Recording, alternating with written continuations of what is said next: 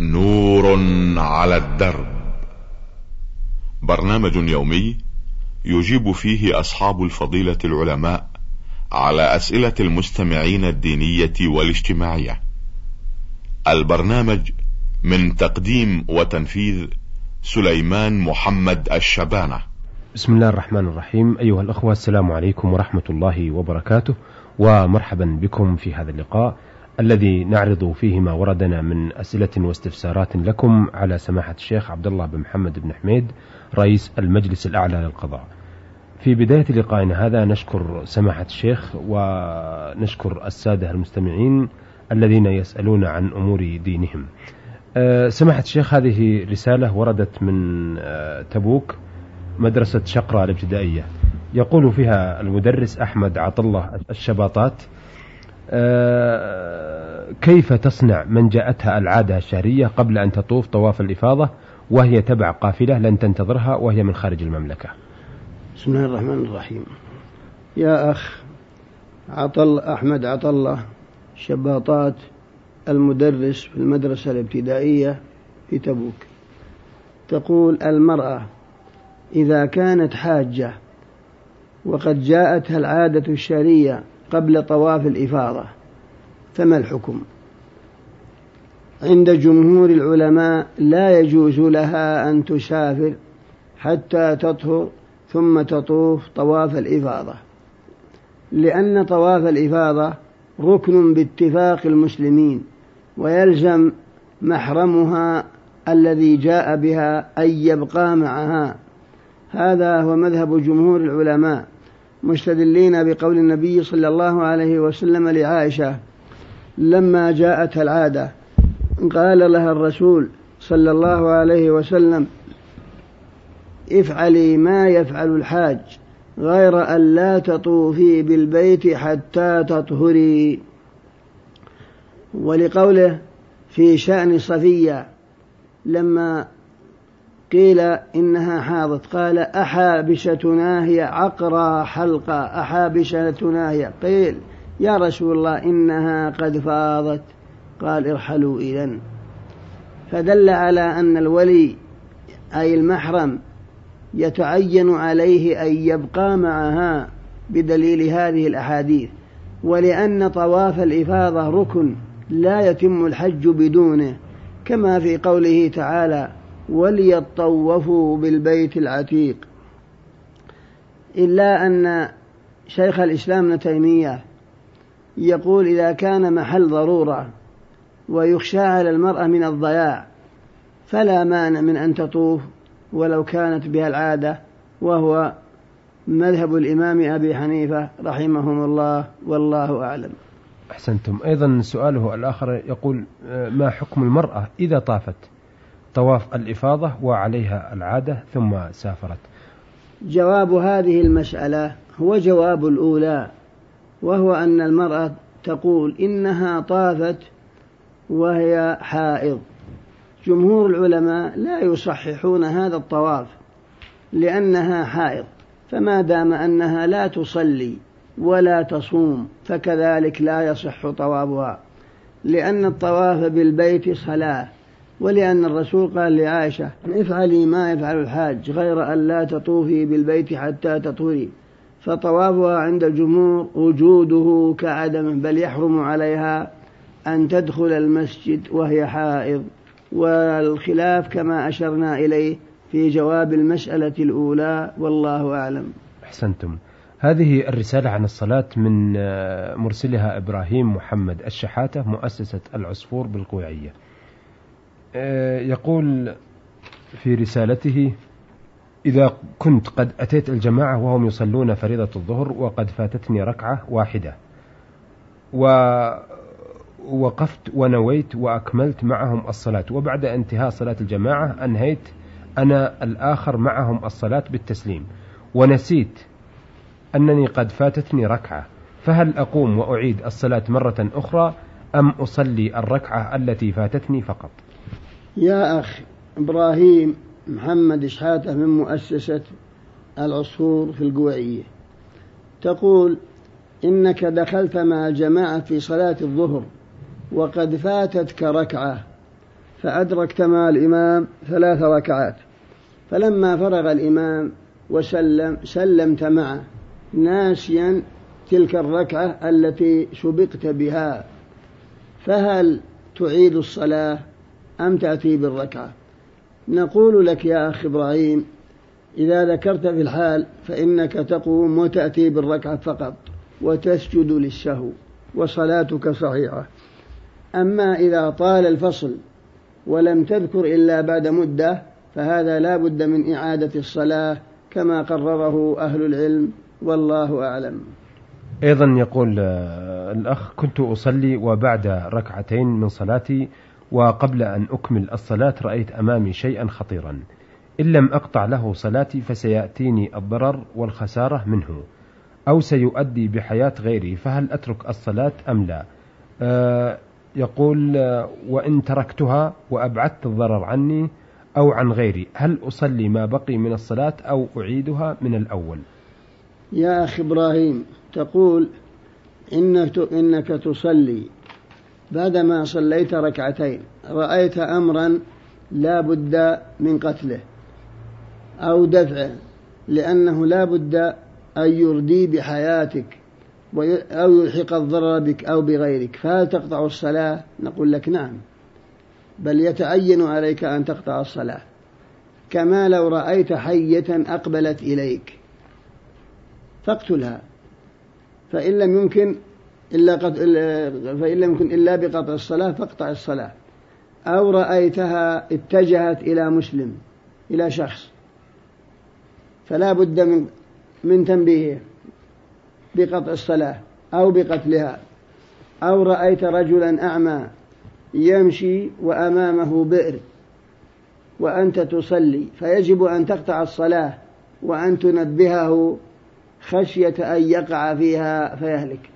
الحاصل أنك إذا كنت تصلي كما في سؤالك ورأيت أمرا بقاؤه يضر بك أو يهلكك أو يضر بغيرك أو يهلكه فيتعين قطع الصلاة ودفع هذا الضرر إما بقتله أو بغير ذلك والله أعلم. أحسنتم. هذه الرسالة من الأخ يقول أنا عبد العزيز بن سلطان اليوسفي. صاحب سيارة أكريها في أيام الحج وقد أخذت ثلاث عوائل 17 شخصا وذهبنا في اليوم التاسع إلى عرفات وبقينا فيها. يقول حتى آخر النهار ولما أردنا الانصراف منها إلى المزدلفة خربت علينا السيارة فأخذنا نصلحها ومضى علينا الوقت حتى طلع الفجر ولم نتمكن من الذهاب إلى المزدلفة ولم نص تصلح السيارة إلا بعد طلوع الشمس ثم سرنا إلى منى ولم نبت في مزدلفة. وقد أخذنا الجمرات من الطريق إلى منى. هل حجنا صحيح؟ وهل جمارنا مجزئة؟ شكر الله لكم. يا أخ عبد العزيز بن سلطان اليوسفي تقول إن عندك سيارة وأنك تؤجرها للحج وقد استأجرها منك ثلاث عوائل ذهبت بهم عليها إلى عرفة. وبعد غيبوبة الشمس انصرفت من عرفة إلى مزدلفة وفي أثناء الطريق خربت السيارة وبقيت تصلحها حتى طلعت الشمس. فصلحت وجئت إلى منى فرميت الجمار. فهل حجك صحيح؟ نقول نعم حجك صحيح ورميك صحيح. إنما فاتك المبيت بمزدلفة فقط أنت ومن معك. والمبيت بمزدلفة واجب من واجبات الحج في تركه دم. وفي إمكانك أن تترك السيارة وتستأجر لهم سيارة أخرى وتنقلهم إلى مزدلفة لأن مزدلفة قريبة من عرفات وتتمكن من ذلك. وما دام أنك تتمكن من ذلك فهذا يجب عليك دم فقط. أنت ومن معك ممن لم يبت بمزدلفة. لأن المبيت بمزدلفة واجب من واجبات الحج في تركه دم والحج صحيح إن شاء الله. إلا لو فرضنا أنه متعذر بالكلية ولا تستطيع ولا تتمكن ولا تجد ما يوصلك إلى مزدلفة فهذا لا شيء عليك فاتقوا الله ما استطعتم. نعم. أحسنتم.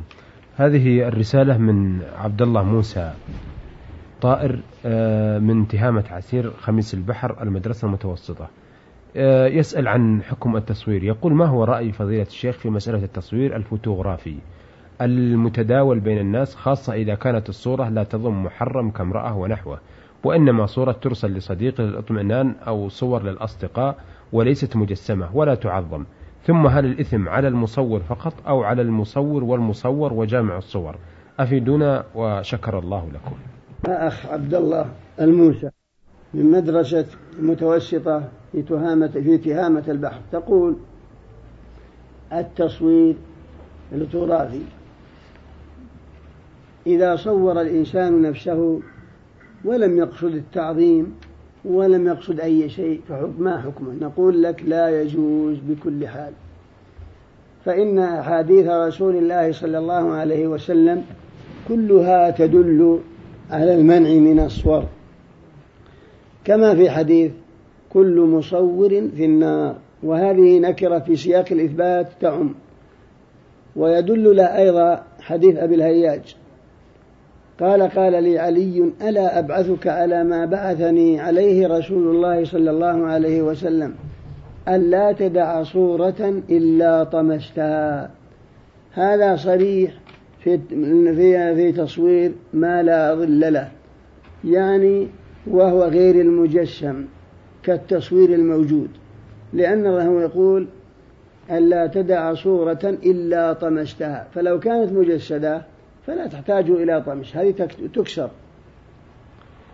فما كان يطمس إلا ما كان لا ظل له وهو التصوير اللوتوغرافي. فهذا هو الذي يتأتى طمسه كما في الحديث. وإلى هذا ذهب الأئمة الأربعة مالك والشافعي والإمام أبي حنيفة والإمام أحمد. وأتباعهم كلهم يرون تحريم الصور. لكن كما قيل إذا كثر الإمساس قل الإحساس. وأشار إلى هذا ابن العربي المالكي. وجمع من العلماء والإمام النووي في شرح مسلم. ذكر أنه قول الأئمة الأربعة وأتباعهم وهو المنع من الصور.